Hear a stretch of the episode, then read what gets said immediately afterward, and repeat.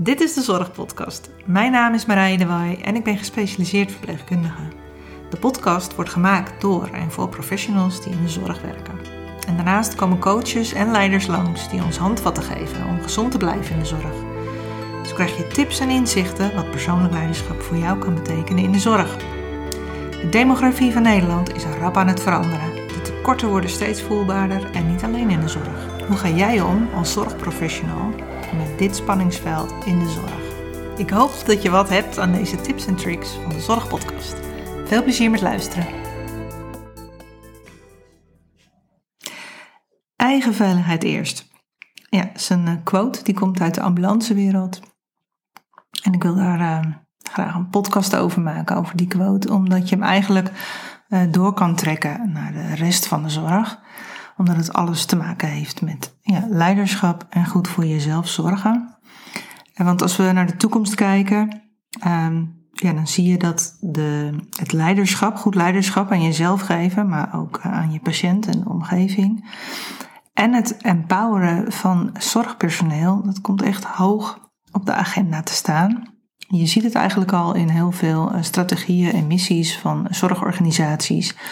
Dat, dat um, ja, dat staat eigenlijk in alle jaarplannen. Leiderschap en empoweren van zorgpersoneel. Waarom is dat nou zo belangrijk? Eh, we hebben allemaal eh, het zorgakkoord gezien. De zorg wordt soberder. En ehm, ja, hoe ga je nu dat als zorgprofessional uh, die toekomst tegemoet? Hè? Hoe ga je dat doen? Hoe ga je nou voor jezelf zorgen? En wat kun je nu allemaal daar zelf aan doen? En wat is daarin goed leiderschap? Um, ja, dit zijn echt termen, die ga je straks echt heel veel horen. En het is niet zo makkelijk om je daar nu al een, een voorstelling van te maken, hè? omdat we daar helemaal niet zo, tenminste hè, de oude generatie helemaal niet, die is niet zo bekend met persoonlijk leiderschap. En um, ja, ik kan het wel een ander woord of een andere benaming geven, zoals zelfzorg of ondernemen van je eigen leven of eigen regie. Maar het gaat uiteindelijk om persoonlijk leiderschap. En ik denk, ja, ik ga dat nu toch wel maar zo noemen, omdat dat het is wat het is. En dan kunnen we daar met z'n allen aan wennen. Uh, en er vertrouwd mee raken. En dan zal je zien, als je daar wat mee gaat doen, ja, dat het, um, dat het je eigen wordt. Want dat, dat is eigenlijk iets wat je, je moet er eigen mee worden. En dat is wat ik eigenlijk wil, hè, met het eigen veiligheid eerst. Dat voorbeeld. Um, wil ik laten zien hoe, hoe dat eigenlijk werkt. Want uh, eigen veiligheid eerst. In die ambulancewereld uh, maken we gebruik van allerlei korte quotes. Um, lees het ongeval. Uh, do no further harm. Er zitten een heleboel Engelstalige teksten in. 24 no more. Wel bekend voor het intuberen. Niet verder dan 24 centimeter. En uh, dat wordt eigenlijk tijdens die opleiding en tijdens je werk zijn dat termen die steeds herhaald worden. En doordat je ze blijft herhalen, komen ze in een gedeelte terecht van het geheugen dat eigenlijk heel snel paraat is. Dat, eh, als je dan in een spannende situatie komt, bam, dan komen dat soort dingen meteen naar voren. En dat maakt je hulpverlening eigenlijk makkelijk. Dus ze komen eigenlijk ja, als het ware op je harde schijf te staan. En bij mij staan ze er ook op. En ik, ik denk dat ik, als ik 85 ben, eh, dat ik ze nog steeds zo op kan lepelen. Um, die termen en, en dat soort dingen als veilig, eigen veiligheid eerst, dat is eigenlijk zo belangrijk. Het is onmisbaar tijdens een hulpverlening. Het is onmisbaar omdat je dan jezelf geen schade toedoet. En op weg of tijdens een hulpverlening. En uh, dat principe dus van die eigen veiligheid eerst, dat kan je doortrekken naar de rest van de zorg. En ik zal uitleggen waarom dat zo is. En toen ik in het ziekenhuis werkte, als eh, verpleegkundige op de IC en op de CCU, ging er eigenlijk automatisch van uit dat de omstandigheden om mij heen, die, dat die veilig waren. Er hing een rookmelder um, op de IC en alles werd, apparatuur werd uh, vaak um, gecheckt. Dus ja, daar ga je ervan uit dat het veilig is om mee te werken. Uh, je collega's waren om je heen, dus uh, je kon altijd dingen vragen. En uh, er was altijd meestal wel een arts beschikbaar.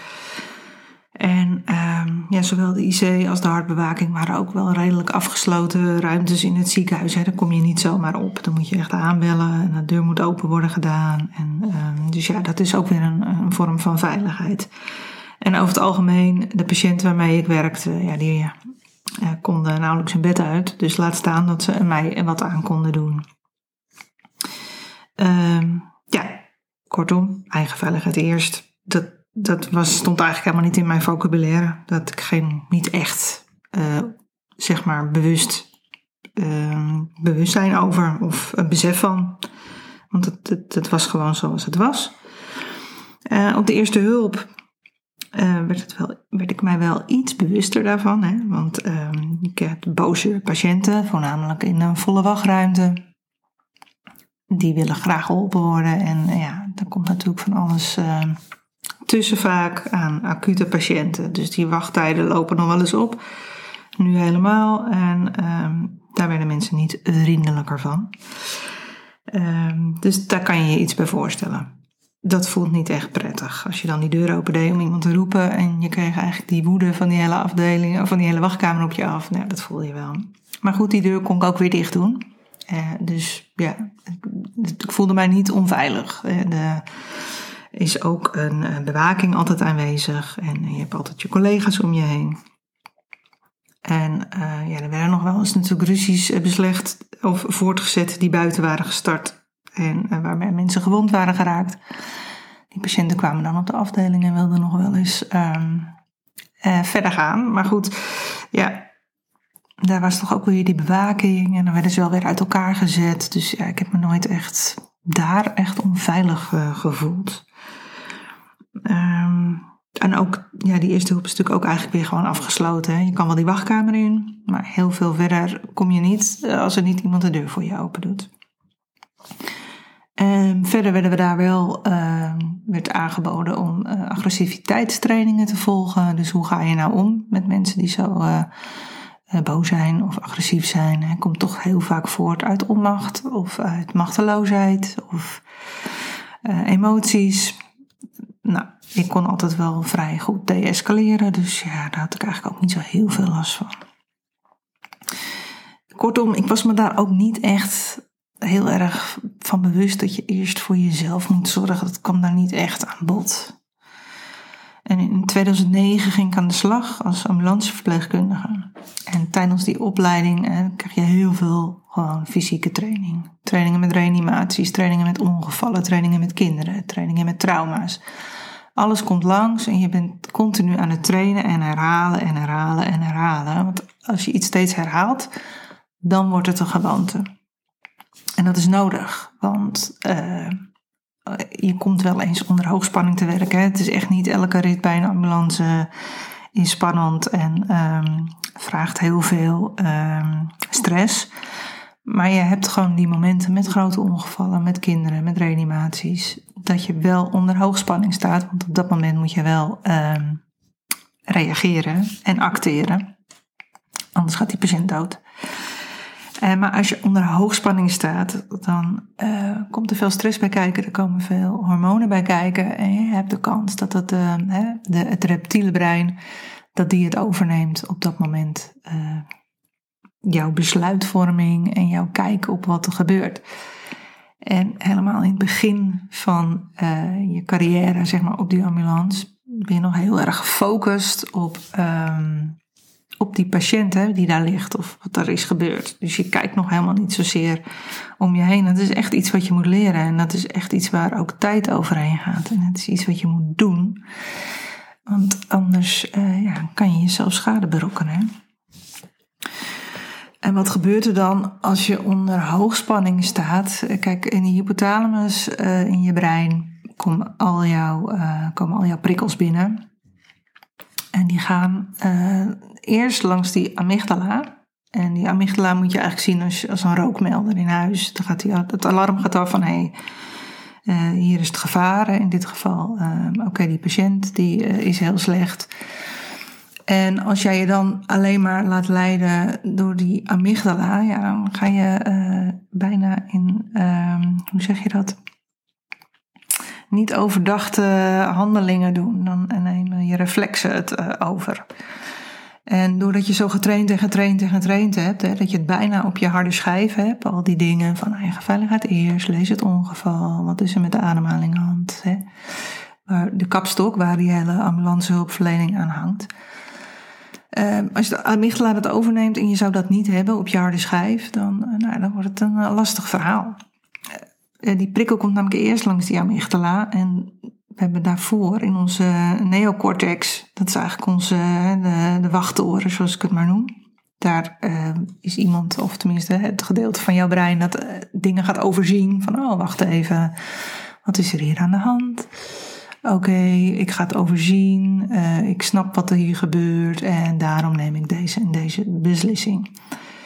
Um, dat duurt 30 seconden, of tenminste, dat duurt een aantal seconden langer in ieder geval dan, dan dat die prikkels langs die amygdala gaan. Dus je bent veel eerder geneigd om in het reptiele brein te veranderen. En dan is het fijn als je wel even die korte quotes, dat die meteen naar voren schieten.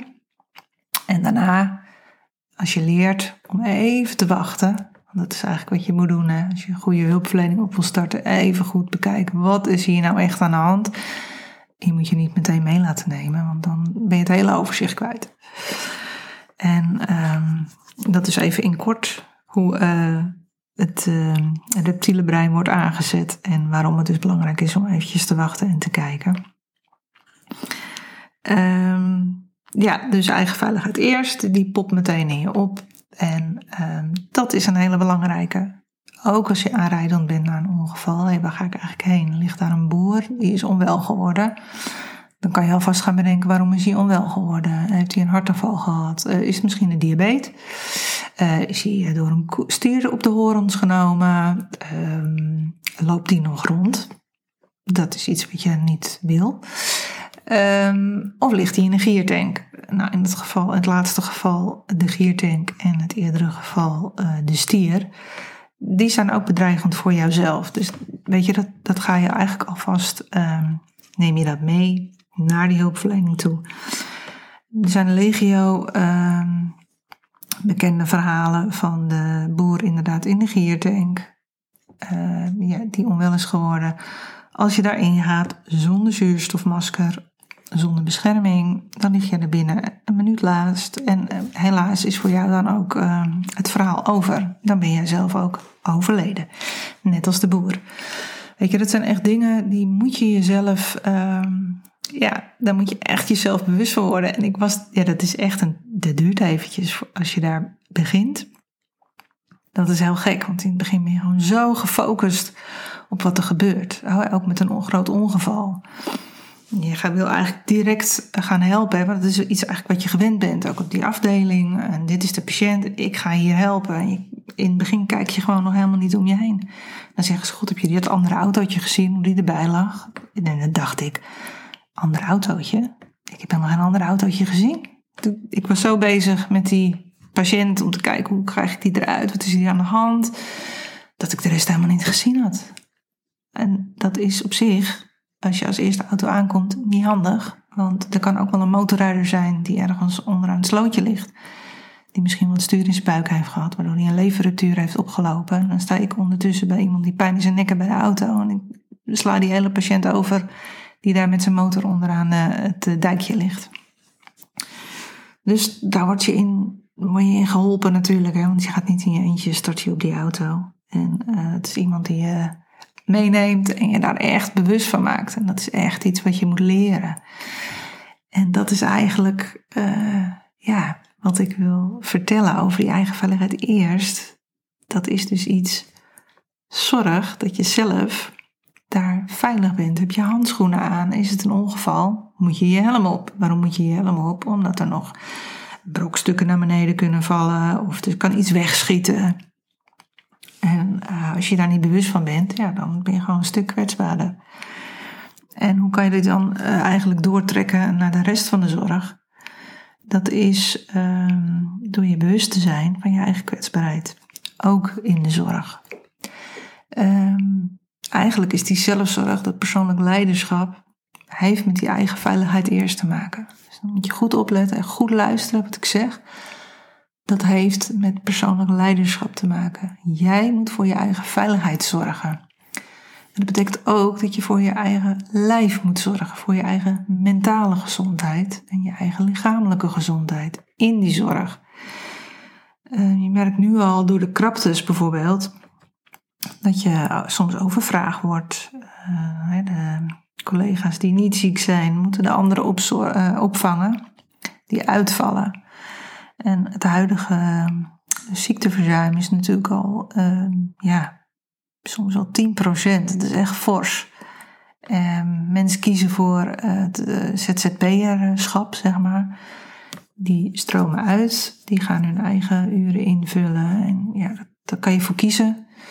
Een heleboel mensen houden daar niet van. Dat betekent dat je ook je eigen scholingen moet doen, je eigen arbeidsongeschiktheid moet regelen, je verzekeringen. En daar komt ook echt veel bij kijken. Maar langzamerhand zie je wel dat het veel meer mensen dat gaan doen. Helemaal juist in die gespecialiseerde beroepen. Die hebben die tools namelijk wel van: oké, ik ga voor mezelf nu zorgen omdat ze dat misschien ook wat meer gewend zijn, eh, om dat leiderschap te tonen. Als je geen leiderschap toont in zo'n hulpverlening, in een, een ambulance hulpverlening, dan, um, ja, dan werkt dat niet. Ik, ik moest daar ook aan wennen. Uh, opeens mag jij het zeggen. Hè? Bij zo'n eerste hulp staat er een heel team. Artsen, anesthesisten staat klaar. Die nemen de leiding.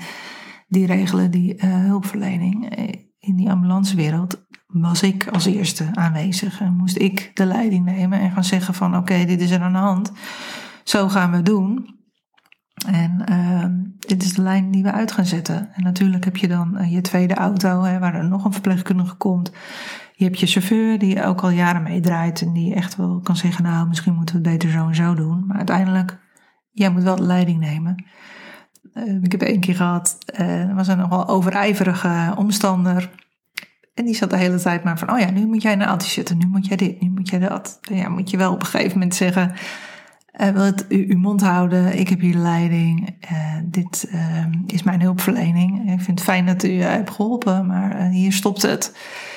Want anders raken mensen in de war. Ehm, je moet die leiding nemen. En die leiding moet je dus straks ook in die zorg over jezelf gaan nemen. En dus misschien samen met je collega's, maar in ieder geval wees je er bewust van en wees je ook bewust van je eigen veiligheid eerst. Eerst voelen, kijken, wat doet dit met mij? Uh, weer een extra dienst wordt er aan jou gevraagd, want er is niemand anders. Uh, ik zeg niet dat je elke keer nee moet zeggen, maar wees je wel bewust, wat vraagt dit van mij? Komt het mij nu uit? Uh, ik zie soms quotes van uh, gehandicaptenzorg. Die hebben van die memes op uh, social media. En eentje daarvan was...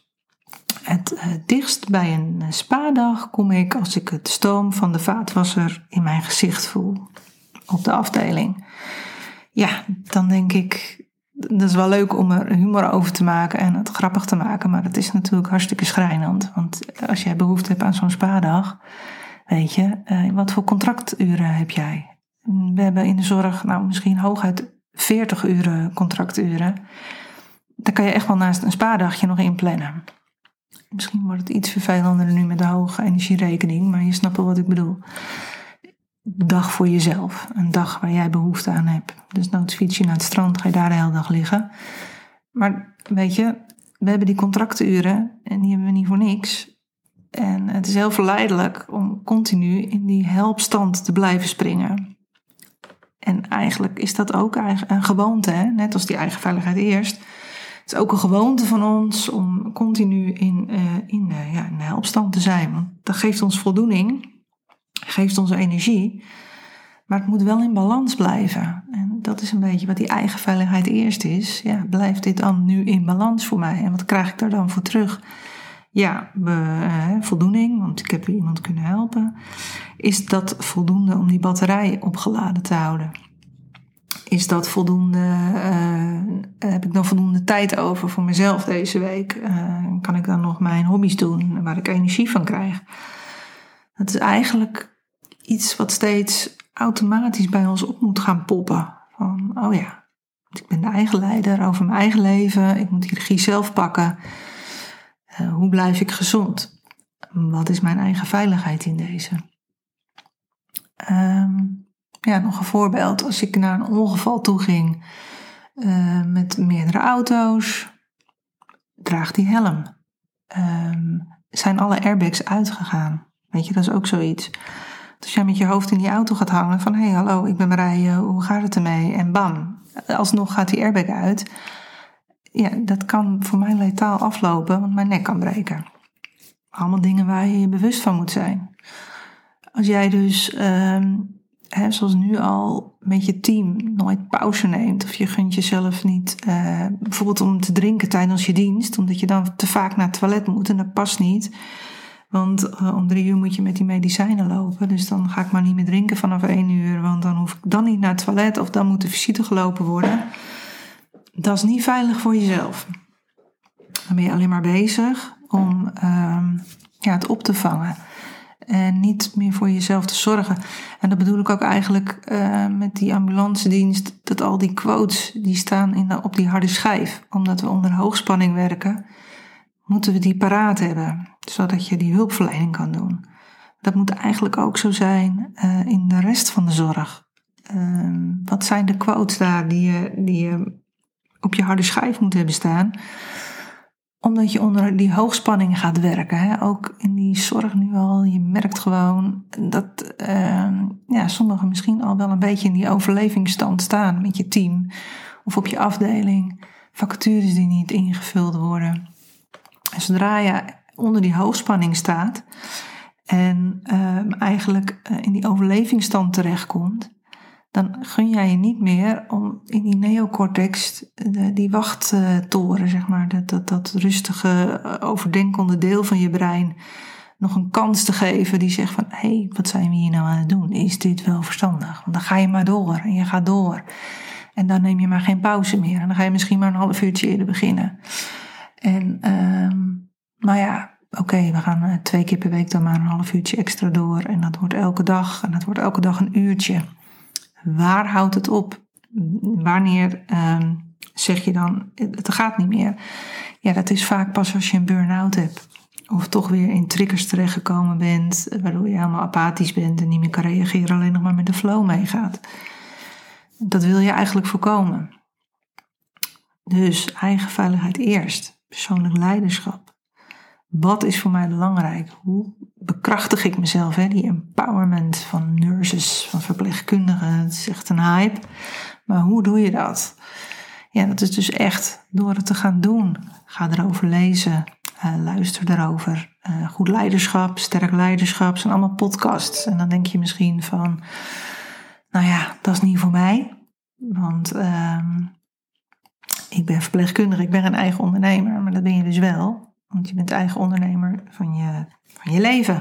En uh, het enige manier straks om daarin goed uh, te blijven functioneren in die zorg, is om je van dit soort dingen bewust te gaan worden. Hoe, uh, hoe lastig dat ook is. En dat past helemaal niet zozeer bij ons, want ja, we komen toch uit een nou, niet onderdanige positie, maar ik kan wel zeggen hè, dat ik begon in een verpleging. Had ik nog gewoon een jurkje aan en gaf ik alle statussen aan aan de artsen. En eh, knikte ik vriendelijk. En er gebeurden echt wel dingen op de afdeling. En ook met artsen dat je denkt, wauw, dat kan nu echt niet meer. Gelukkig. Het is ook allemaal veel zichtbaarder geworden.